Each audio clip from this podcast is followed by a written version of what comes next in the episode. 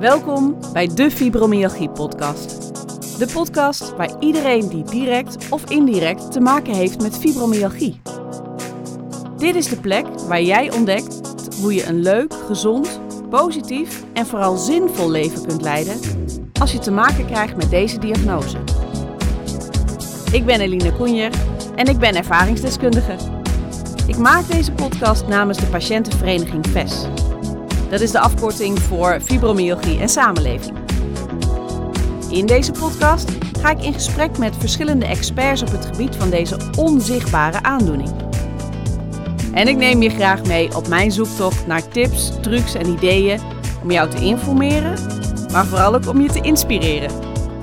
Ik wens je dus heel veel luisterplezier.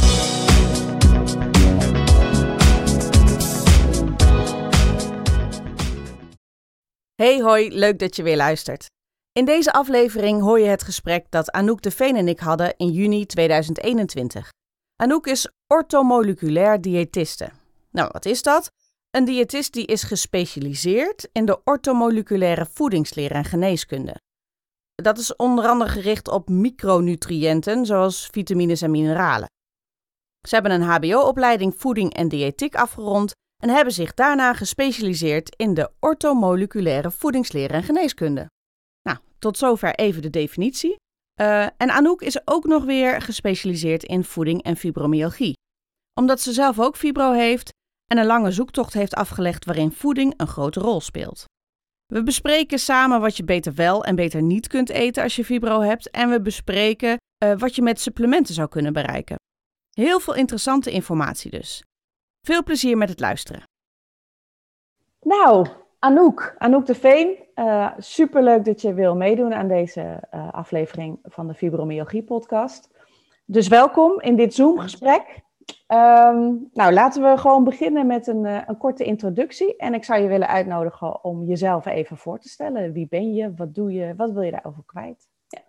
Hallo allemaal, leuk dat ik uh, ja, mee mag doen in deze podcast. En mijn naam is Anouk, Anouk de Veen en ik ben uh, diëtist. Ik noem mezelf orthomoleculair diëtist uh, bij Lafita Sana Voedingsadviesbureau. En um, ik heb een praktijk in, in Nijmegen en we hebben verschillende locaties. En naast dat ik um, de praktijk in Nijmegen heb, heb ik ook nog drie collega's bij mij in dienst die, met wie ik eigenlijk samen de praktijk run. Um, ik behandel uh, of begeleid eigenlijk veel uh, mensen met fibromyalgie. Dus ik vind het ontzettend leuk uh, dat ik deze podcast mag, aan deze podcast mag, mag, meewerken. Ja, geweldig. Nou ja, we krijgen inderdaad heel veel vragen over wat kan ik met voeding. Dus nou, super fijn dat je onze gast wil zijn. Mm -hmm. um, nou, ik zit, zit er zo, zo eens te denken, wat is, uh, um, kun je zo eens even één ding noemen waar je echt op moet letten als je fibromyalgie hebt, qua voeding? Nou, het is heel moeilijk om op één ding te letten. Dan mag het ook meer zijn. nou, wat uh, zal ik een beetje beschrijven hoe ik, een, uh, hoe ik bijvoorbeeld iemand die bij mij komt met fibromyalgie, hoe dat dan een beetje in een consult gaat. Want het is altijd heel lastig om te zeggen van oké, okay, het is één ding waar je op moet letten. Het is eigenlijk belangrijker dat je dus, ik probeer het zo holistisch mogelijk te kijken. Uh, dus als iemand bij mij komt um, of, of via video bellen, dan uh, ga ik altijd eerst kijken, oké, wat, zijn, wat zijn de klachten, wat zijn de problemen, waar loop je tegenaan, uh, wat is je huidige eetpatroon, hoe is je slaappatroon, wat, ja, welke, welke klachten vanuit de fibro heb je? En vanuit daar gaan we dus ook kijken, oké, wat kan je dan met voeding doen? Nou, wat eigenlijk wel nummer één belangrijk is, is dat je qua voeding probeert om je uh, bloedsuikerspiegel zo stabiel mogelijk te houden. Dus dat je niet te veel van die pieken en die dalen in je bloedsuikerspiegel hebt. Um, en dat doe je voornamelijk door erg naar de koolhydraten te kijken. En het is niet zo dat je helemaal super string alleen maar uh, koolhydraatarm moet gaan eten. Maar je moet vooral kijken van, oké, welke koolhydraten zijn goed voor je en welke zijn niet zo goed voor je. En dat noemen we ook echt de snelle en de langzame koolhydraten. Waarom en, is dat zo van belang dat die bloedsuikerspiegel uh, uh, zo gelijk mogelijk blijft? Nou, als je bloedsuikerspiegel stabiel is, dat zorgt ervoor dat eigenlijk hormonaal gezien dat er ook uh, veel meer stabiliteit is. Want op het moment dat je bloedsuikerspiegel omhoog gaat, gaat de insulinespiegel gaat omhoog. Insuline dat wordt gemaakt door de alvleesklier. En de alvleesklier die, moet, uh, die maakt dus de insuline, omdat de insuline moet zorgen dat de suikers uit de voeding de spieren ingaan. Maar op het moment dat, dat er ergens een knelpunt zit of dat er um, te, veel, um, te veel suikers binnenkomen, kan het zijn dat daardoor ook meer stress in het lichaam komt. Dus dat ook die cortisolspiegel, dat is zeg maar je stresshormoon, dat dat meer aangaat. En daardoor krijg je dus heel erg hormonale schommelingen. Um, dus, en daardoor kan je ook weer veel meer pijnklachten krijgen. Ja, dat was inderdaad mijn volgende vraag. Dat kan dus, dat kan dus iets triggeren. Ja, het kan zeker wat triggeren. En wat het ook doet, is dat het ook energiedipjes geeft. Dus op het moment dat je dus snelle suikers neemt, dus stel je neemt nu een zak met wijnkums omdat je pijn hebt, omdat je gefrustreerd bent, omdat je niet lekker voelt, ja, dan denk je op zo'n moment, oké, ik heb suikers nodig, dus dan neem je die suikers. Maar op het moment dat je dat dan gedaan hebt, dan voelt het eventjes euforisch, zo van, oh, dat is fijn. En dan in één keer zie je echt zo'n enorme dip. En dat is dus echt zo'n bloedsuikerdip. En daar raak je dus heel erg vermoeid van. Ja. Dus dan krijg je echt zo'n vicieuze cirkel, die dus eigenlijk voor zorgt dat je uh, ja, eigenlijk meer vermoeid bent, meer pijn krijgt. Uh, dus daarom is altijd het, het eerste wat ik, hè, want je vroeg van wat is het belangrijkste, maar het eerste waar ik altijd naar kijk uh, bij iedereen in de voeding is, um, ja, wat, wat heb jij qua koolhydraten en hoe doe je dat? En dus eet jij zes, zeven keer, acht keer op een dag of eet je maar twee keer per dag? En dat zijn ook allemaal dingen waar je dus echt naar moet kijken om die bloedsuikerspiegel dus mooi stabiel te houden. Ja. Dus als ik je goed begrijp, want je, je noemde het woord holistisch, daarmee bedoel je in dit verband, uh, je kijkt naar het totaalbeeld van, van iemand, uh, hoe die in elkaar steekt, ja, uh, en hoe die met voeding en beweging, et cetera, omgaat. Ja, en, en ik kan eigenlijk ook, hè, ik vraag ook altijd naar de klachten, welke klachten zijn Dus stel, mensen Um, mensen met fibromyalgie hebben natuurlijk heel vaak uh, last van spierkrampen of hoofdpijnklachten. Nou, daar zie je heel vaak dat er magnesiumtekort is. Uh, energieproblemen natuurlijk. Dus dat kan natuurlijk zijn dat het door de voeding komt. Hè? Dat je minder goed uh, de, de bloedsuikers stabiel hebt. Of dat je te veel suikers binnenkrijgt. Maar het kan ook zijn dat je tekorten hebt aan bijvoorbeeld vitamine B12. Dat zie je heel vaak bij fibromyalgie. Uh, maar ook ijzer en foliumzuur, vitamine D. Dat zijn allemaal hele belangrijke dingen die ik ook allemaal meeneem in de consulten. Want hoe kom je ehm. daarachter of je daar een, eh, een tekort aan hebt? Nou, het is, uh, ik ben wel, ik, ben, ik hou wel van meten is weten. Dus uh, heel vaak probeer ik dan de huisarts erbij te betrekken van, nou, wil je wat metingen gaan doen? Um, het ligt er ook een beetje aan of iemand als supplementen gebruikt, ja of nee. Want bijvoorbeeld als iemand een supplement voor vitamine B12 gebruikt, dan kan je wel B12 meten in het bloed, maar dan is het eigenlijk altijd goed. Ja. En dat kan heel erg, uh, uh, ja, het kan, kan eigenlijk verbloemen dat het misschien niet goed is, dat het niet goed in de cellen zit. Okay. want vitamine B12 moet dus echt goed in die cellen zitten. En ze weten dat daar bij fibromyalgie dat daar ook problemen nog zijn. Dus vitamine B12 is altijd een lastig om te meten. Als iemand nog nooit suppletie gebruikt heeft, dan kan je dat prima meten. Uh, en dat kan dan via de huisarts, moet je echt bij de huisarts aanvragen. Maar als dat, iemand al dat gebruikt, dan kijk ik altijd, oké, wat voor supplement gebruik je dan? Ja. Want niet elk supplement is goed. En je hebt de actieve vormen en de niet-actieve vormen. Oké, ja, want dat was inderdaad ook een van mijn vragen. Want ja. ik ben natuurlijk ook al wel meerdere malen in aanraking gekomen met supplementen, wat wel, wat niet. Uh, en op een gegeven moment zie ik door de boom het bos niet meer. En je, ja, je, je leest iets over magnesium, en je leest iets over B12, en je leest iets over visolie, en je leeft, nou ja, mm -hmm. uh, uh, je hebt natuurlijk ook gewoon de, de gecombineerde vitamine, de, de, ja. de multi. Ja. Ehm, dus ik zit nu maar op een multi, denk dat is altijd goed. En misschien is dat helemaal niet waar, maar uh, zo van, nou, dan krijg ik in ieder geval wat binnen. En de visolie, want dat is voor je brein en voor je, voor je bloedvaten, hart- en bloedvaten goed. Maar het is, ja. het is meer een gok dan wijsheid. Ja, nou dat is, dat is ook heel lastig. Ik heb daarom, heb ik ook, ik ben, nou ik denk twaalf jaar geleden heb ik de opleiding diëtist afgerond.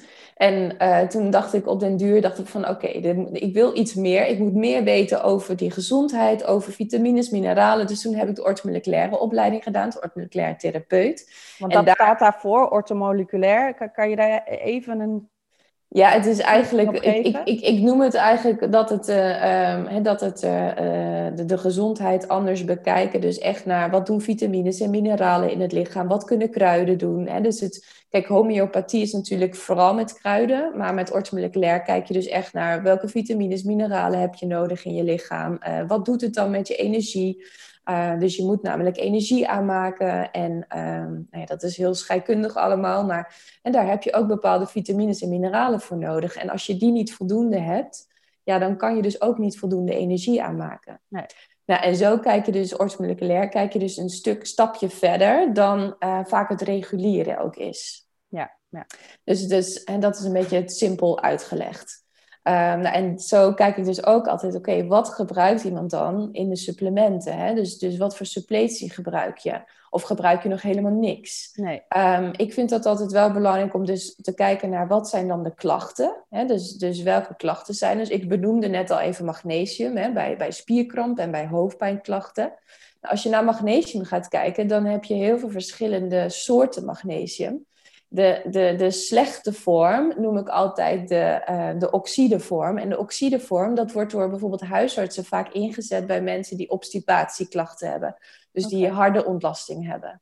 Maar het werkt niet zo goed op spierkrampen. Dus als je veel last van spierkrampen hebt, dan werkt dus de oxidevorm dus eigenlijk niet zo goed. Nee. Um, waar je dan naar moet kijken is dat bijvoorbeeld de citraat of de bisglycinaatvorm, dat is weer beter voor de spierkrampen.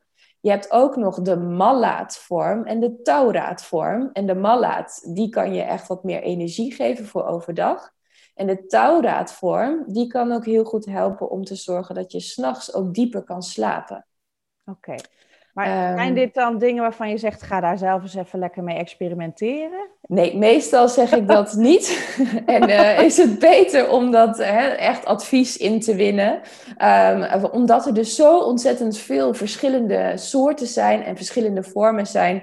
Uh, ja, moet je wel weten waar je mee bezig bent. Want anders, ik krijg eens wel eens mensen bij mij die zeggen ook van ja, ik heb al magnesium, maar doet helemaal niks. Nou, dan gaan we kijken, oké, wat heb je dan voor magnesium? En dan blijkt het ook een vorm te zijn die doet, inderdaad ook niks doet. Nee. En dan moeten we dus overstappen op een andere soort magnesium. Dus kijk, het is beter om, om alvast eerst advies in te winnen voordat je dus ook echt suppletie gaat toevoegen. Ja. En zo, zo, heb je ook hè, van andere soorten en de andere klachten, zoals de energie bijvoorbeeld. Nou ja, daar kan je, uh, ik suppleer eigenlijk, ik heb ja, eigenlijk iedereen die bij mij komt, krijgt een soort van basissuppletie uh, mee. En dat is natuurlijk wel een beetje uh, gebaseerd op de klachten die er zijn. Mhm. Maar wat ik in het begin, de eerste drie maanden, vaak adviseer, is om uh, vitamine B12 extra te nemen. en dan de actieve vormen, want ook daar heb je niet-actieve en actieve vormen in. Um, vitamine D, omdat bij heel veel mensen met fibromyalgie de vitamine D echt te laag is. En die wil ik ook heel graag altijd laten meten bij de huisarts. Uh, want als die echt veel te laag is, dan heb je gewoon een stootkuur nodig. En daarna een onderhoudsdosering. Ja, precies. En sommige huisartsen die, uh, ja, die zeggen van uh, bij een vitamine D van 40 bijvoorbeeld van ja, het is helemaal prima. Maar ik hou altijd, hanteer altijd 80 is prachtig en 100 is beter.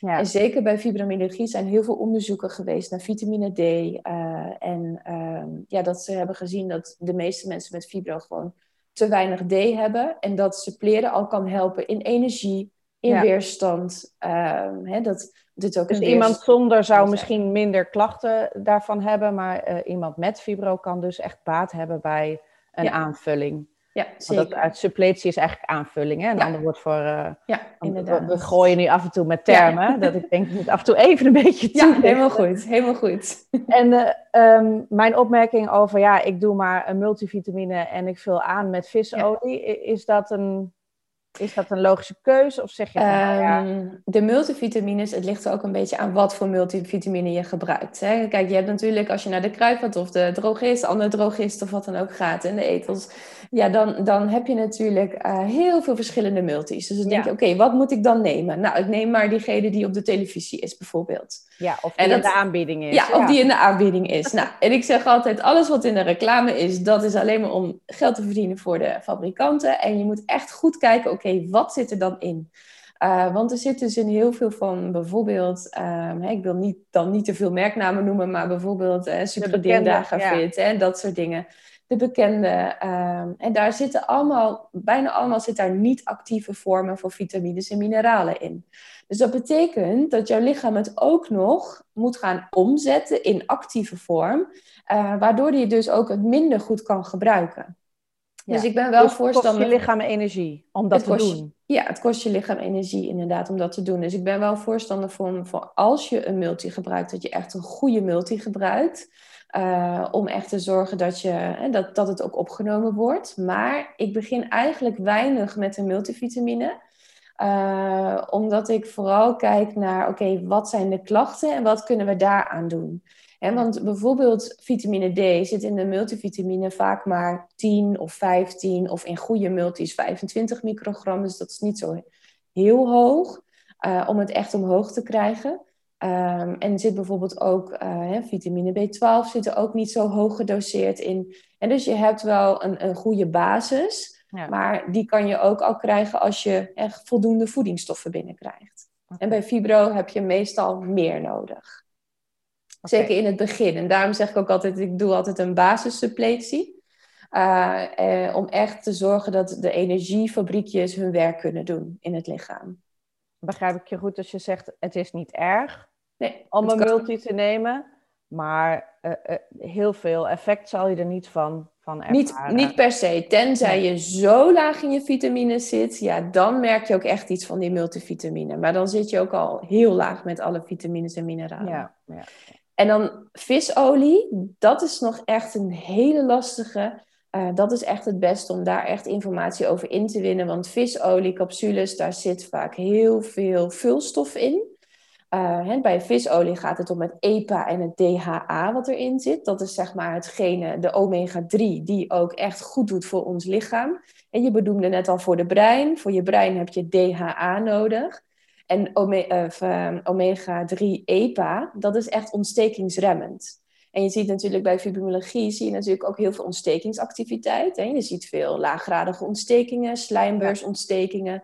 Dus omega-3 kan echt fantastisch zijn om dat ook te ondersteunen en te helpen uh, om ontstekingen te minderen. Alleen je moet dus echt heel goed kijken dat je een goed supplement hebt. Want in heel veel supplementen zit veel meer vulstof dan dat er EPA en DHA in zit. Ah, oké.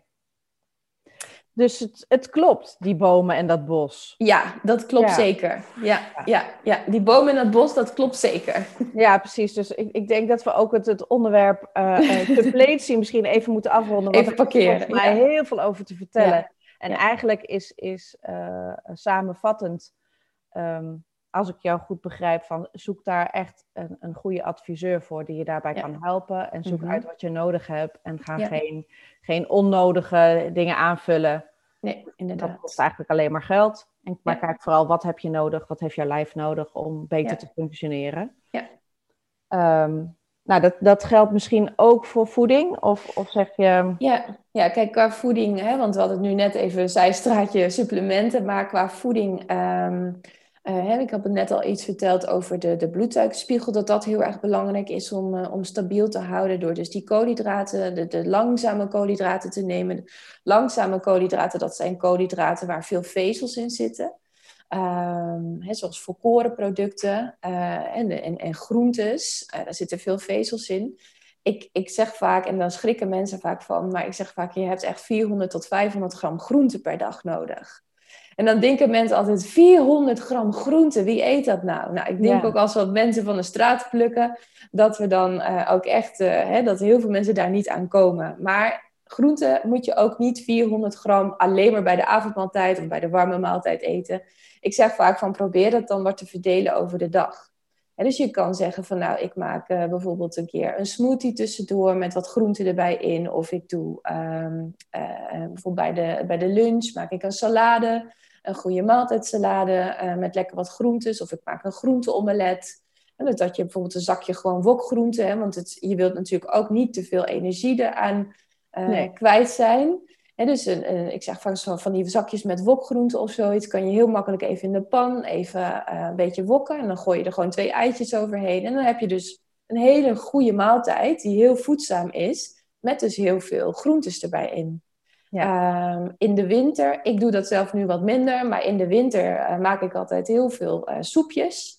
Uh, dus maak ik altijd puree-soepjes. En dat zijn gewoon soepen, met, soms met restjes van wat ik dan aan het eind van de week over heb.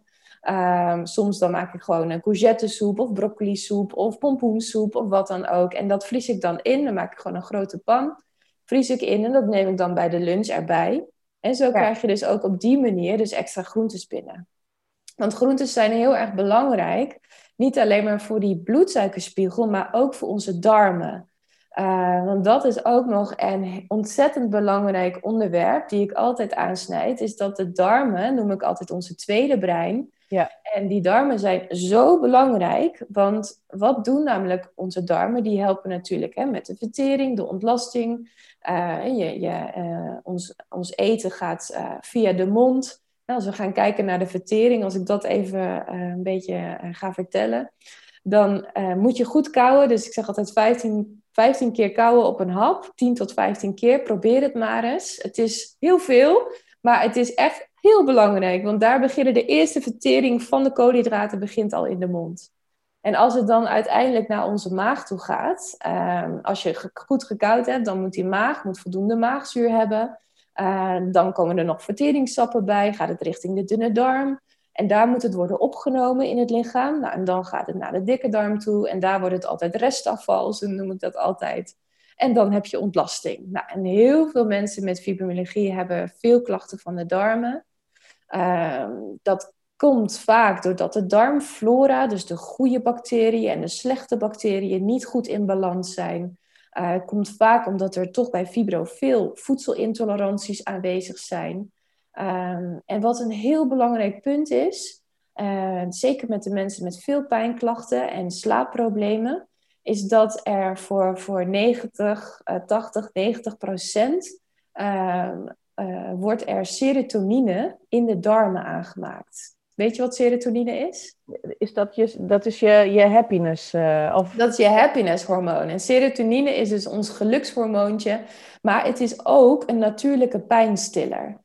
Uh, dus mensen met fibro, daarvan is bekend dat die uh, um, waarschijnlijk een te lage serotoninegehalte hebben. Um, de, de, precieze mechanisme is nog niet helemaal bekend, maar we zien ook heel veel darmproblemen bij, bij he, fibro. Dus uh, het is dan aannemelijk dat er ook minder serotonine wordt aangemaakt in de darmen. En serotonine is een voorloper van melatonine. En melatonine heb je nodig om te slapen.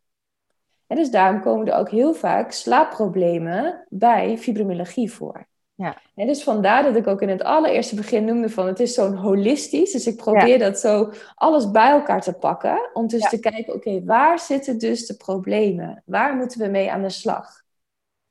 Ja, ja dat klinkt, klinkt heel zinnig. Inderdaad, alles werkt samen. Je kunt het niet los van elkaar zien. En bij fibro is het natuurlijk ook zo dat je... Er zijn zoveel verschillende klachten... Ja. dat je het bijna niet als één ding aan kunt. Nee. Nee, inderdaad. Je kunt er bijna niet zo naar kijken ook. Nee, nee. en daarom adviseer ik ook altijd, hè, want we hadden het over die groentes, om dus ook die groentes voldoende binnen te krijgen, want daar zitten vezels in en die vezels zijn heel erg belangrijk voor onze darmflora. Dus die vezels die zorgen ervoor dat onze darmbacteriën meer bifidobacteriën aanmaken en die, komen voornamelijk, die groeien voornamelijk vanuit de vezels. En dus ik hoor jou nu, je... ik ga even samenvatten. Ja. ik hoor je twee dingen zeggen. Uh, uh, let op je koolhydraten. En daar horen denk ik, want suiker hebben we het nog niet over gehad. Maar mm -hmm. uit ervaring weet ik dat uh, koolhydraten zet zich om in suiker, gedragen zich in je lichaam als suiker. Ja. Dus het hoeven niet eens de pure suikers, je, je zakje winegums te zijn of die reep chocola. Nee. Ehm, maar koolhydraten beperken is een belangrijke. En nu noem je eigenlijk als tweede zorgen dat je zo vezelrijk mogelijk eet. En daar, daarbij zijn groenten van groot belang. Je noemde 500 mhm. gram groente op een dag. Ja. En je gaf al een aantal mooie tips om dat dus over de dag heen te verspreiden. Dus, dus bij verschillende maaltijden groente toe te voegen. Uh, ja, dat vind ik een hele mooie tip. Uh, want ja, ik, bij gebrek aan energie heb je vaak ook gebrek aan zin in koken en eten maken. Uh, dat, dat, wordt zo'n neerwaartse spiraal. Ja. ja, dus het is um, Ja, dus het is echt goed om uh, goed te gaan kijken, oké, wat... Ja, het is verstandig om een wekenmenu te maken. Hè, als je een wekenmenu maakt voor jezelf, dan weet je al, oké, wat haal ik in huis? Dus ik zeg vaak van, ga niet te vaak naar de supermarkt en zeker niet met een lege maag. Hè, en, en als het kan, uh, kijk of je het eten kan laten bezorgen. Hè, dat, ik bedoel, de boodschappen laten bezorgen. Ja. Uh, hè, zodat dat allemaal, ja, dat het allemaal minder energie kost. Ja. Um, en, en daarnaast is het, uh, ja, inderdaad, kan je besparen. En ook als je dus een weekmenu voor jezelf maakt, dan kan je dus ook al kijken, oké, wat moet ik dan maken van tevoren?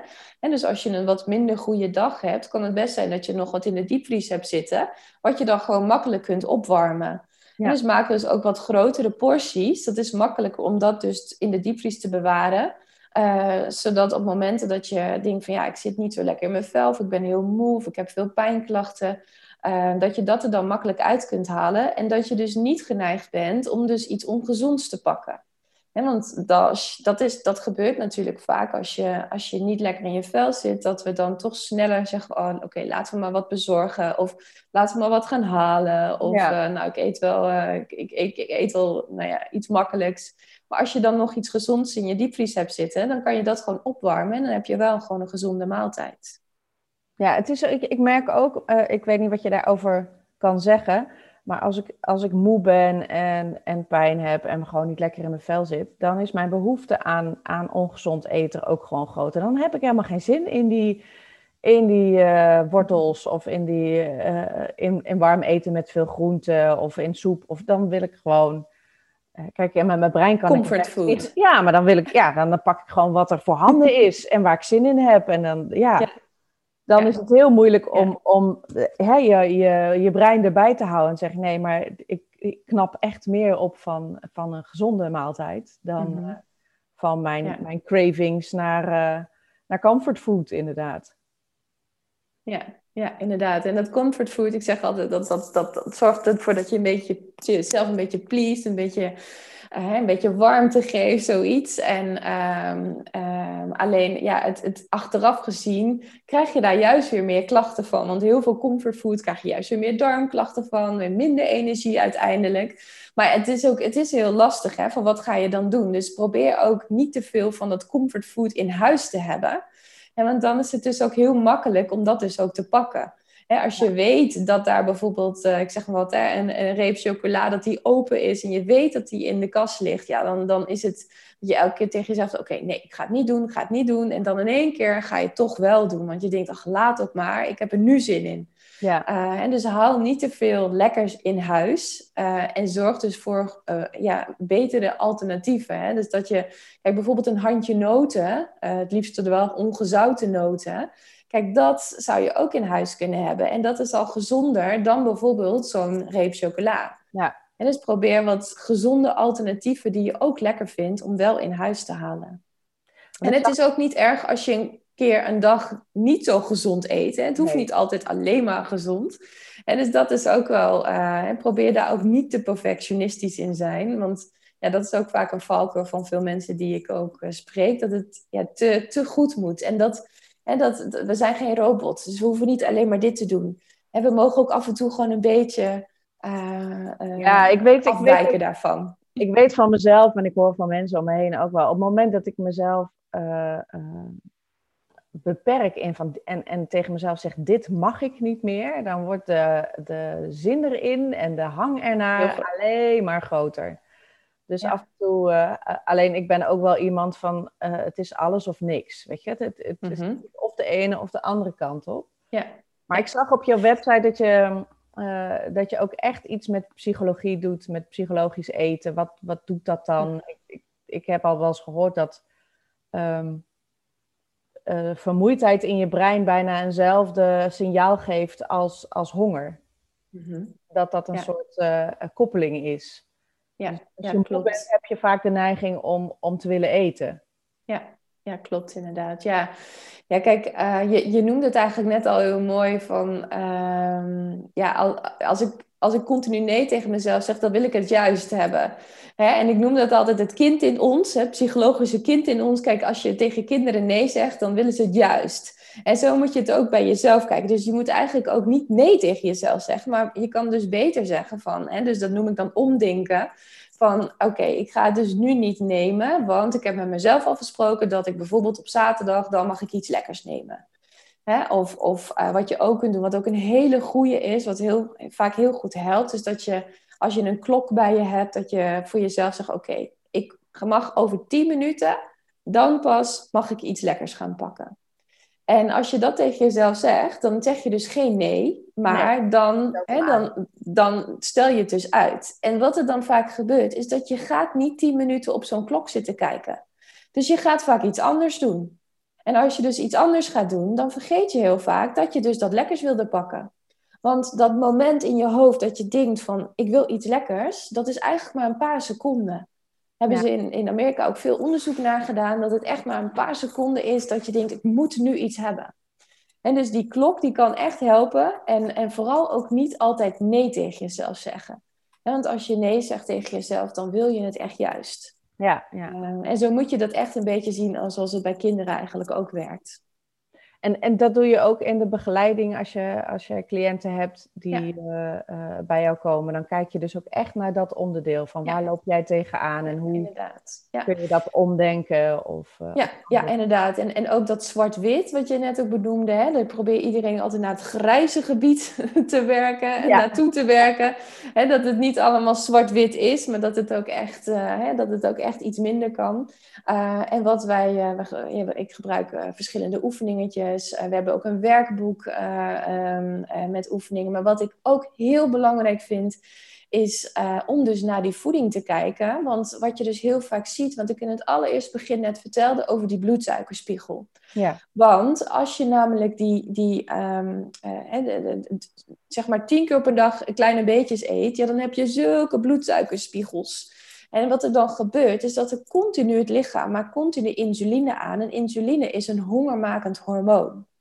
En wat er dan gebeurt, is dat je dus, um, en misschien helemaal, uh, als, jij, als jij de voeding aanpast, misschien merk je dan al dat je dus dat, die drang naar iets lekkers, dat dat al veel minder is. Ja. Dat is eigenlijk het eerste waar ik altijd naar kijk, is van hoe ziet de huidige voeding eruit? Wat kunnen we daaraan veranderen?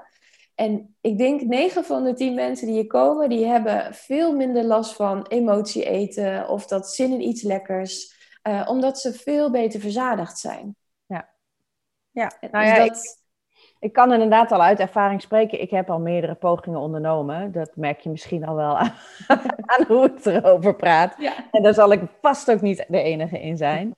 Uh, maar inderdaad, ik, ik weet uit ervaring dat koolhydraatarm uh, heel goed voor me werkt. Dat mijn bloedsuikerspiegel inderdaad gelijker blijft. Dat je minder zin hebt in, in snaaien. In, uh, en toch kan ik dat uiteindelijk niet volhouden. -hmm. Ja, misschien ben je wel te streng voor jezelf. En dus, dus misschien is het ook wel dat je, dat je um, kijk, koolhydraatarm noemde je net. Um, kijk, je hebt verschillende gradaties natuurlijk hè, in de koolhydraatarm. Mm -hmm. en, en sommige mensen die hebben wel iets meer koolhydraten nodig dan andere mensen, ook om genoeg energie te hebben. Maar waar je dus ook op moet letten, is dat je wel voldoende eiwitten en je hebt ook voldoende vetten nodig. En dus eiwitten zitten in alle plantaardige producten zoals pulvruchten, uh, noten, zaden, pitten. Daar zitten wat eiwitten in. Uh, en in alle dierlijke producten natuurlijk. Hè? Dus, dus uh, zuivel en vlees en vis en kip en kalkoen, daar zitten eiwitten in. En die eiwitten die geven je echt verzadiging en dus die heb je ook echt nodig. Um, en eiwitten zijn bij, bij fibro ook heel erg belangrijk. Dat je dus voldoende herstel hebt in de spieren. Ja. Um, uh, want eiwitten die herstellen de spieren. Um, en daarnaast moet je ook voldoende goede vetten hebben. Hè? Dus je kunt wel, het zou best kunnen zijn dat je misschien uh, laag in koolhydraten zit, maar dat je ook niet voldoende eiwitten en ook niet voldoende vetten hebt. Hè, want dat is natuurlijk ook vaak een valker van mensen die ook bijvoorbeeld graag ook nog willen afvallen, is dat ze ook heel weinig vet gaan eten. Uh, maar vetten heb je nodig om geslachtshormonen aan te maken, cholesterol aan te maken. Um, en ook voor goed verzadigd te zijn. Ja. En dus, dus, dus daar moet je dus ook echt naar kijken. Dat het kan best wel zijn dat er misschien bij jou dat, uh, dat je het niet vol kunt houden, omdat je misschien niet voldoende verzadigd bent. Uh, ja, zou kunnen. Of te streng, dat kan ook, hè? Begrijp ik. Nou, ik denk dat het bij mij, maar goed, laten we het niet te veel, niet te persoonlijk maken. Maar ik, ik probeer ook een beetje uh, um, scenario's aan je ja. voor te leggen. Um, want stel dat dat allemaal in balans is, maar dan heb je ineens een periode dat je gewoon heel moe, vervelend voelt en je komt in een dip. Uh, ik zal ook niet de enige zijn die af en toe last heeft van depressies in deze groep. Um, en dan lukt gewoon even helemaal niks meer. Nee. En voor mij zijn dat de momenten dat ik zeg maar uit mijn ritme val en weer Mhm. aankom en weer. Ja. En dan Ja. is het, ja, dan is het Ja. heel moeilijk om dat weer op te pakken. Ja. Ik denk dat dat vooral psychologisch is. Ja, ja, ja inderdaad. En, en dat zie ik in de begeleiding natuurlijk ook heel veel terug. Ehm, en ehm, kijk, wat dan... Ik, ik zeg vaak van op het moment dat het goed gaat, eh, dan hebben mensen mij meestal niet nodig. Nee. En op het moment dat het niet zo goed gaat, dan bellen ze vaak af. En dan zeg ik vaak van nee, je moet juist komen, want eigenlijk juist nu is het juist belangrijk om te zorgen dat je wel probeert eh, eh, in dat ritme te blijven. Hè? Want jij noemde dat net ook al, de structuur is dan weg, de ritme is anders. Ehm, en het gaat ook met vallen en opstaan. Hè? Het is vallen en opstaan, het is echt zo'n zo'n trap die, die een, een twee treden omhoog, eentje naar beneden, twee treden omhoog, eentje naar beneden. Dus op die manier zie je vaak ook uh, dat er verbetering is. Um, alleen dat is dus vallen en opstaan. En ik, het klinkt misschien een beetje gek, maar ik ben altijd blij in de behandeling als het even niet zo goed gaat bij iemand. Want dan kunnen we ermee aan de slag. Dan kunnen we kijken, oké, hoe kunnen we dus voor zorgen dat uh, bij een volgende keer dat dit gebeurt, um, hè, dat, je, dat je er al ietsjes anders in staat zoals, zoals het nu is gegaan. Ja. En wat, wat leer je daarvan? Wat kan je ervan leren? Want het is gewoon een heel leerproces. En op het moment dat, het, um, hè, dat alles dus stabieler is, um, zul je ook minder van dat soort terugvallen ook hebben. Ja. Hè, minder snel weer terugvallen in bijvoorbeeld depressiviteit of somberheid of in vermoeidheid. Of, of, hè, dat, Um, en, het, en er komt natuurlijk nog veel meer bij kijken, zoals stress en spanning en dat soort ja, dingen. Ja, ja. Maar, maar um, en dan, als, je, als je dus leert, en dat is echt met vallen en opstaan. En ik zeg ook tegen heel veel mensen altijd van, het duurt twee tot drie jaar voordat je echt een nieuw eetpatroon en leefpatroon in, kunt omarmen. En dat die echt van jou is. Uh, en in die, die tijd mag je ook vallen en opstaan. En um, accepteer dat het dan ook gebeurt. Ja, maar dat is inderdaad wel langer dan ik had gedacht. Want ja. uh, soms dan gaat het een half jaar, misschien zelfs een jaar wel heel goed. En dan denk ik, oh, ik voel me zoveel beter. Ik ga Ja. nooit meer terug Ja. naar wat het was. En ik, Ja. uh, ik ga ook niet meer zwaarder worden dan dit. Want dit is gewoon veel fijner op alle vlakken. En, en dan ben ik helemaal positief. En dan, en dan kijk ik zeg maar drie jaar terug en denk ik, ja, oh ja, dat was dat jaar waarin ik me zo goed voelde. Maar dat is Mhm. inmiddels wel weer helemaal anders. Ja, en vaak gebeurt er dan iets, hè, dat, dat er iets, een trigger is geweest, waardoor het dus weer terugvalt. Ja. En vandaar dat ik ook dat noem, hè, van dat twee tot drie jaar duurt het voordat je echt een nieuw patroon helemaal om, omarmd hebt. En dus dat is ook eh, na een jaar en dan, eh, als er dan iets gebeurt en je hebt niet geleerd van ja, wat kan ik dan doen om toch snel weer terug in het goede te gaan, ja. ja dan, dan is het dus uh, lastig om het ook weer goed op te pakken. Maar begeleid jij je cliënten dan ook zo lang? Ik, ik, ja, sommige wel. Ja, ja sommige zie ik. Uh, ik, ik, uh, ik werk nu volgens mij zeven jaar in Nijmegen. En ik denk dat ik sommige al bijna vanaf het begin al begeleid. Maar dan niet elke week of elke nee, maand. Hè, maar soms één keer in het jaar. Soms twee keer in het jaar. Gewoon een follow-up gesprek en een evaluatiegesprek hoe het gaat. Uh, soms krijg ik tussendoor inderdaad wat, wat meer vragen. Of willen ze tussendoor nog wat extra begeleiding. En dat, dat, ja, dat doe ik. Ja, oké. Okay. Want ik, ik, zag op je website inderdaad uh, uh, ook acht weken programma's bijvoorbeeld. Of ja. tussen. Ja. ja, we hebben, um, we hebben een net ja, nieuw gelanceerd, ons acht weken programma. We noemen dat een acht weken slank programma. Maar oh, het is... wacht even, eerste ja. maandag van de maand. Als oh, ik hoor het. Een sirene horen, dan is het dat. We zitten wel met oortjes in, maar... Ja, inderdaad, ik hoor het. maar dat mensen niet denken, wat voor, Ja, dat is de eerste maandag van de maand. Ja. ja, ja, dan hoort het erbij. Nee, wij hebben dus een, uh, een acht, weken, uh, acht weken challenge. En um, acht weken slang challenge noemen we die. Maar het is vooral op basis van een koolhydraatbeperking. Um, het zijn uh, acht weken menus. En dus je hebt echt een menu voor elke dag. Dus uh, dag 1, dag 2, dag 3, nou ja, enzovoort. Ja. Uh, en daarin, uh, dat kan, hè, mensen kunnen dat zonder begeleiding doen.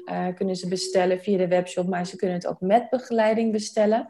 we hebben ook een vegan versie, dus die is helemaal nieuw. Dus voor mensen die ook vegan, veganistisch willen eten, hebben dus ook vegan koolhydraatarm.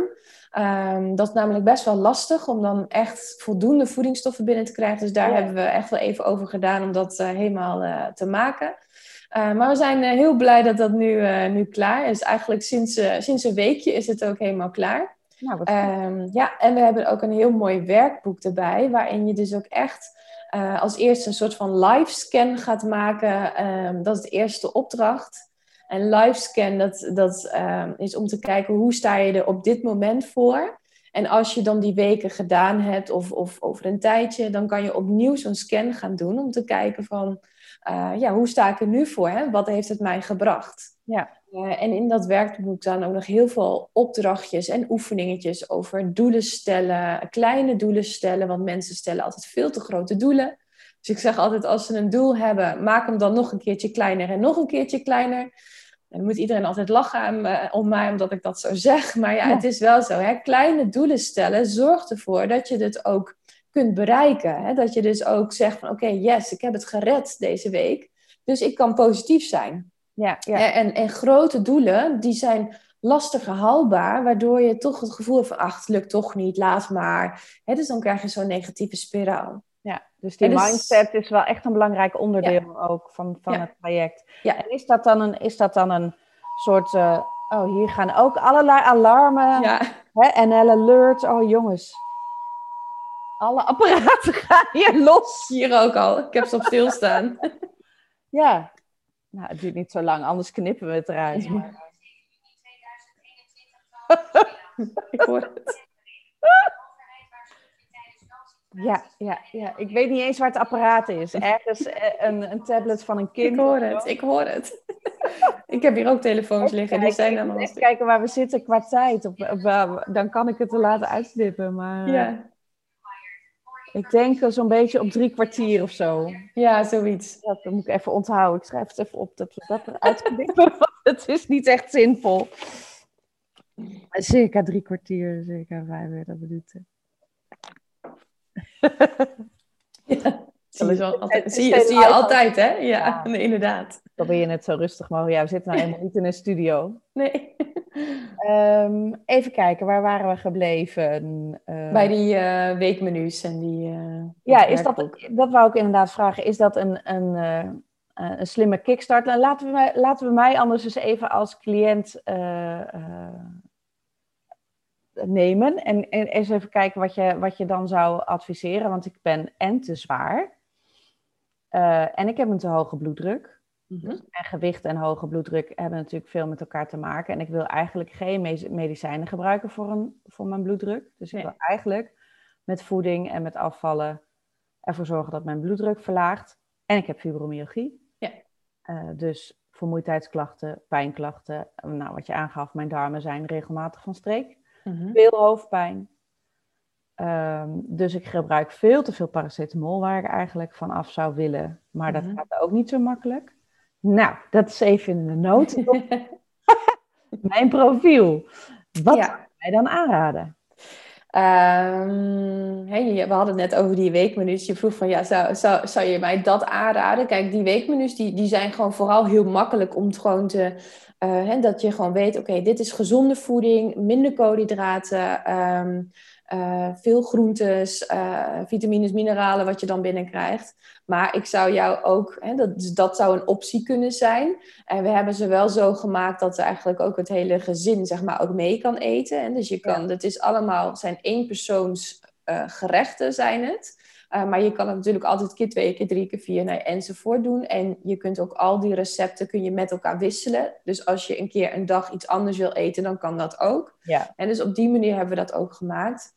Uh, maar ik zou voor, bij jou vooral ook dan willen weten, oké, welke klachten heb je dan? Welke darmklachten? Welke, hè? Dus zodat je ook kunt kijken, oké, wat heb je misschien nodig qua uh, uh, eventueel supplementen? Of, of, hè? Dus, en hoe is je huidige eetpatroon? Uh, dus echt daar ook naar kijken. En dan adviseer ik ook regelmatig wel eens om dan die weekmenu's te gebruiken, hè, als iemand dat ook fijn vindt. Ja. wat ik, wat ik sowieso ook altijd doe, is dus ook altijd een, een voorbeeld van een dagmenu maken, gebaseerd op wat je nu huidig, hè, je huidige patroon ja. is. Um, dus dat doe ik ook heel vaak. En sommige mensen zeggen van, oh, ik wil echt een menu hebben. En dan is ook echt zo'n weekmenu ook gewoon heel handig om, uh, om te gebruiken ja, vaak is zo'n houvast wel, wel prettig. Ja, ja en ik word dus dan toch wel getriggerd door hè, uh, in, die acht weken. Uh, kun je dan vijf tot tien kilo afvallen. Nou, dat is dan al zo'n lekker begin. En een overzichtelijke periode. Ja, uh, en ik begrijp heel goed uit jouw verhaal ook nu en uit mijn eigen ervaring dat je er dan niet bent met die acht mm -hmm. weken. Want nee. hè, voordat je dat helemaal hebt aangepast, dat doe je dus kennelijk een paar jaar. Mm -hmm. Drie, om dat echt ja. Maar het is soms zo lekker om in ieder geval een, een begin te hebben. Een boost, ja, we noemen dat. Hè, en daar, vandaar dat we dit ook gemaakt hebben, dat we het echt ook een boost geven. Uh, je, je, je, in, in de eerste week ga je echt afkicken, afkicken van de suikers en kun je ook echt meer hoofdpijnklachten of, of, of hè, lichamelijke klachten hebben. Maar na die week, echt de, eigenlijk alle mensen zeggen van, oh, ik heb echt veel meer energie. En dan ben je echt afgekikt van die suikers, van die, van die koolhydraten. Um, en uh, wat ook zo fijn is aan die weekmenu's, is dat er ook boodschappenlijstjes bij staan. Er staat precies van wat je nodig hebt. En ook, uh, je hebt heel veel recepten. En natuurlijk zijn er recepten tussen die je niet zo lekker vindt. En daarom zeggen wij ook, hè, hebben we ook in ons werkboek, die er dus ook bij hoort, hebben we ook ingezet van, nou, maak dan ook je eigen wekenmenu als je klaar bent. Want je hebt nu zoveel recepten gehad, dat je dus echt kunt kijken, oké, dit vind ik lekker, dat vind ik lekker. En dan kan je ook je eigen wekenmenu's maken. Zodat je dus na die acht weken niet gaat stoppen, maar ook verder gaat op wat, hè, wat je geleerd hebt in die acht weken. Um, en dus dat, dat is dus heel fijn om, uh, om op die manier dus ook uh, uh, ja, dus op te pakken. Ja, nou, ik begrijp in ieder geval wel dat het te ver gaat om in deze ene aflevering mij alvast van advies te voorzien. Nou, wellicht is het leuk om, om een soort serietje te maken van hoe ik dat dan wel zou doen. Want ik ben wel zeker geïnteresseerd in hoe ik dat goed zou kunnen aanpakken. En het is best lastig, merk ik, om een, uh, een diëtist te vinden die, die zo specifiek daarmee, uh, uh, daarmee omgaat. Vaak is het toch ehm, zonder denigerend over te willen komen, maar uh, schrijf van vijf adviezen. Mm -hmm. En ik weet van mezelf gewoon dat ik, dat ik het daar niet mee red of zo. Nee. Dat ik daar niet. Uh, nee. dat, dat, die, weet je, die kennis die heb ik ook wel. Ja. Vaak zit het niet eens in kennis, maar meer in de begeleiding en, en, en, en het op maat gedeelte van wat werkt voor jou en wat werkt niet. Ja. En dat, dat vind ik ook heel erg belangrijk, hè? dat het ook echt op maat is. En um, ik heb me hier ooit in gespecialiseerd, omdat ik zelf fibromyalgie heb. En ik heb dat uh, vanaf mijn uh, twintigste ongeveer. En ik ben nu uh, 36. Um, en um, ik, ik heb altijd op heel hoog niveau eh, topsport gedaan, schaatsen en wielrennen. En op den duur werd ik, ja, werd ik dus heel ziek. Uh, en toen kon ik niet meer lopen, kon ik eigenlijk uh, ja, niks meer. En toen dacht ik, wat is er nu aan de hand? Uh, want ik was eigenlijk in top, topvorm qua, qua, qua wielrennen. Um, en nou, toen bleek ik dus fibromyalgie te hebben. En nou, toen dat eerst um, heb ik dat een tijdje weggestopt. Ik dacht, nou, dat wil ik allemaal niet zien. Ik kon niet meer wielrennen. Ik kon het allemaal geen wedstrijden meer doen. Dat ging allemaal niet meer. ik was, ik, ik ik moest mijn opleiding tot uh, verpleegkundige afronden. En ja, daarna kon ik ook niet meer dat uitoefenen, want ik kon eigenlijk niet meer lopen in het begin. Uh, dus toen ben ik de opleiding diëtetiek gaan doen, voeding en diëtetiek, tot diëtiste, want ik vond dat ook altijd al heel interessant. En, en eigenlijk pas na mijn opleiding, um, toen pas ben ik echt in die voeding en de fibro gaan verdiepen. Want ik deed eigenlijk altijd zo, hè, ja. van, van mijn ogen dicht, van nou, het, het is er niet en ik ga gewoon door. Want ik had eigenlijk die, die topsport, topsportmentaliteit in, in mij zitten. En nog steeds hoor, dat zit er nog steeds in. Maar um, ik dacht, ja, als ik er niet over nadenk, dan is het er niet. Maar uiteindelijk had ik gewoon nog steeds heel veel klachten. En ik had heel veel last van mijn darmen en, en last van mijn gewrichten en mijn spieren en, en nou ja, alles. Um, toen was ik er zo klaar mee. Toen dacht ik, oké, ik ga hier wat mee doen. dus ja, toen ben ik dus verder gaan zoeken. Dan ben ik ook verder heel veel opleidingen gaan doen. Ik, heb ook een, ik ben ook darmtherapeut. Ik heb darmtherapeutopleiding gedaan. Ik ben hormoontherapeut. Omdat het allemaal bij elkaar is. Het is echt een plaatje bij elkaar. Ja. Ehm, en zo ja, ben ik dus verder gaan kijken. Oké, wat is dan hè, bij fibromyalgie? Wat, wat, wat kan helpen? Ehm, nou, en dat heb ik natuurlijk allemaal ook op mezelf uh, uh, uitgeprobeerd. En uh, ja, ik, kijk, als ik mij aan mijn eigen richtlijnen hou, dan, dan, dan voel ik me eigenlijk behoorlijk goed. En er zijn echt momenten dat ik ook denk van, oh, nu wordt het me echt een beetje te veel. Maar dat is dan ook omdat ik dan uh, ja, zelf eigenlijk een beetje te veel hooi me voorkneem. Ik heb uh, nog twee kleine kinderen van uh, vijf en bijna drie jaar. Ja. Nou, dat kost natuurlijk ook veel energie. ik heb dus mijn eigen praktijk. En, ehm, maar ik vind het wel allemaal heel leuk en ik krijg er ook energie van. En dus zo op die manier um, heb ik me dus ook echt gespecialiseerd in, in fibromyalgie. En wil ik daar ook echt veel meer mee gaan doen. Ja. En ehm, nou, ga ik ook in uh, september ook een, uh, een fibromyalgie platform uh, maken ja, online. Heel, heel leuk, heel boeiend idee. Ja, en daarin... Vooraf al even wat, maar... Ehm, ja, en, en daarin wil ik dus ook echt um, de, de, de, gewoon dat er meer informatie komt over voeding bij fibromyalgie. En ook wat kan je doen qua, qua, qua slaap, qua beweging, qua energie, qua psychologisch... En dat ik wil het eigenlijk allemaal bij elkaar pakken. Uh, omdat ik dat echt mis. Ehm, en uh, dat heb ik in mijn zoektocht, uh, ja, heb ik dat, ben ik dat nergens tegengekomen dat er echt een platform is die dat echt allemaal aanstipt. Dus dat wil ik, daar ben ik mee bezig om dat te gaan opzetten. Ja, de VEST doet daar overigens al wel heel veel in, ook, in, ook op de website. En, ja, klopt. Voorziet mensen heel, van heel veel informatie. Um, maar ik denk dat dit, dit vanuit een ervaringsdeskundigheid en met name ook die voeding, want de VES laat natuurlijk vooral weten wat is er allemaal. Ja. Um, en, dus ik denk dat dit een hele mooie aanvulling kan zijn en heel inspirerend. En, uh... Ja, en, en, weet je, soms dan is het, hè, want we hebben natuurlijk heel veel besproken al over die voeding. En, maar wat heel belangrijk is, je moet niet alles in één keer doen. En dus ga kijken voor jou wat voor jou het beste is om als eerste aan te pakken. Hè, en, um, en, want soms kan het ook al hele kleine dingen zijn die je dus in je voeding kunt veranderen, waardoor je al ja, veel meer energie hebt. En dat, um, dat, dat vind ik ook wel belangrijk. Je moet niet alles in één keer doen. Nee, nee, niet meteen het hele. Nee. ja, zo zit ik wel een beetje in elkaar. ja. Gezien. Dan ook meteen alles goed. Uh, maar dat, ik, ik weet inmiddels ook wel dat dat zo niet werkt. Ja. Um, uh, ik zit even te denken, wat, dit onderwerp betreft, denk ik dat we al een heel eind zijn. Al hebben je hebt heel veel waardevolle informatie met ons gedeeld. Dat is, uh, dat is heel fijn. Maar ik denk ook dat we nog lang niet mhm. uitgepraat zijn. Nee, nee, nee. Ik ben ook heel benieuwd naar de, naar de reacties van de luisteraars. Die zullen vast ook nog weer aanvullende vragen hebben. Um, dus wat, wat, mij betreft gaan we gewoon nog een keer op herhaling. En het lijkt me ook heel leuk om, zeg maar, als ik een traject bij jou zou gaan volgen, om dat dan uh, een beetje uh, in beeld te brengen. Zodat ja, de luisteraar ook een idee krijgt van hoe werkt dat dan en hoe gaat dat dan. En, uh, ja, inderdaad. Daar kunnen we het dus over hebben, wat, we, daar, wat we daarmee zouden kunnen.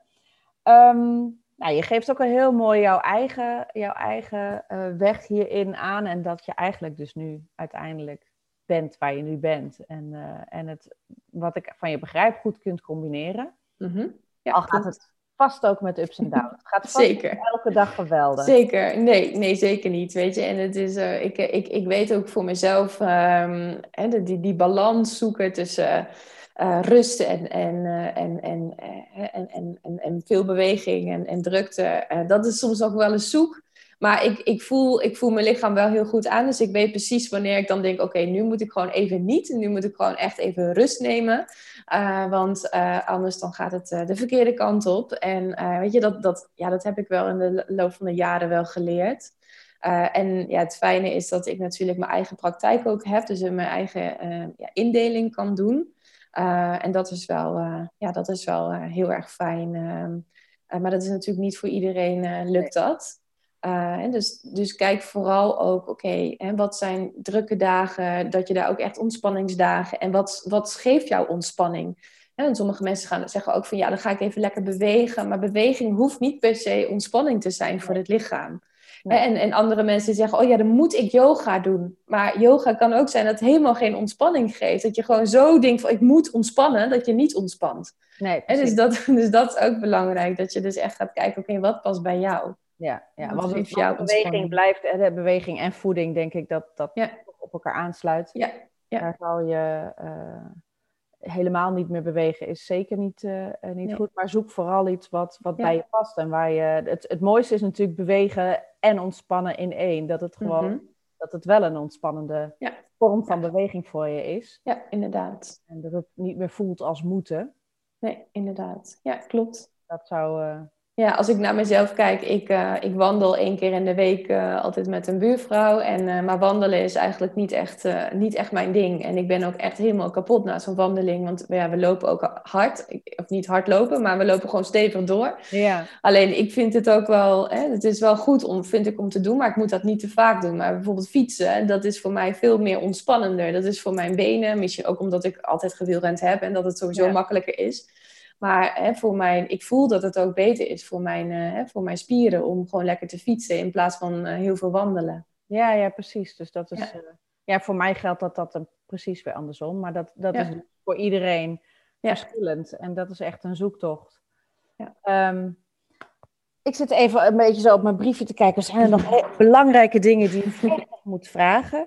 Um, nou, wat ik wel belangrijk... Ik ben benieuwd of je nog Ehm, ik, ik, heb op je website gekeken, daar staat al heel veel informatie.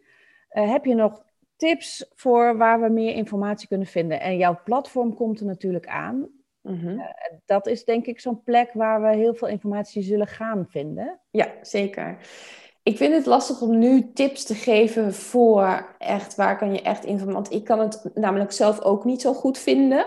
Nee. dus, dus als je daar informatie over bijvoorbeeld voeding bij fibro, of dat, dat is er bijna niet. En vandaar dat ik, dat, dat ik dus ook zo'n platform ga maken. Dus waarschijnlijk vanaf, nou, ik denk ergens eind september of begin oktober, dan, uh, dan is het ook echt te vinden.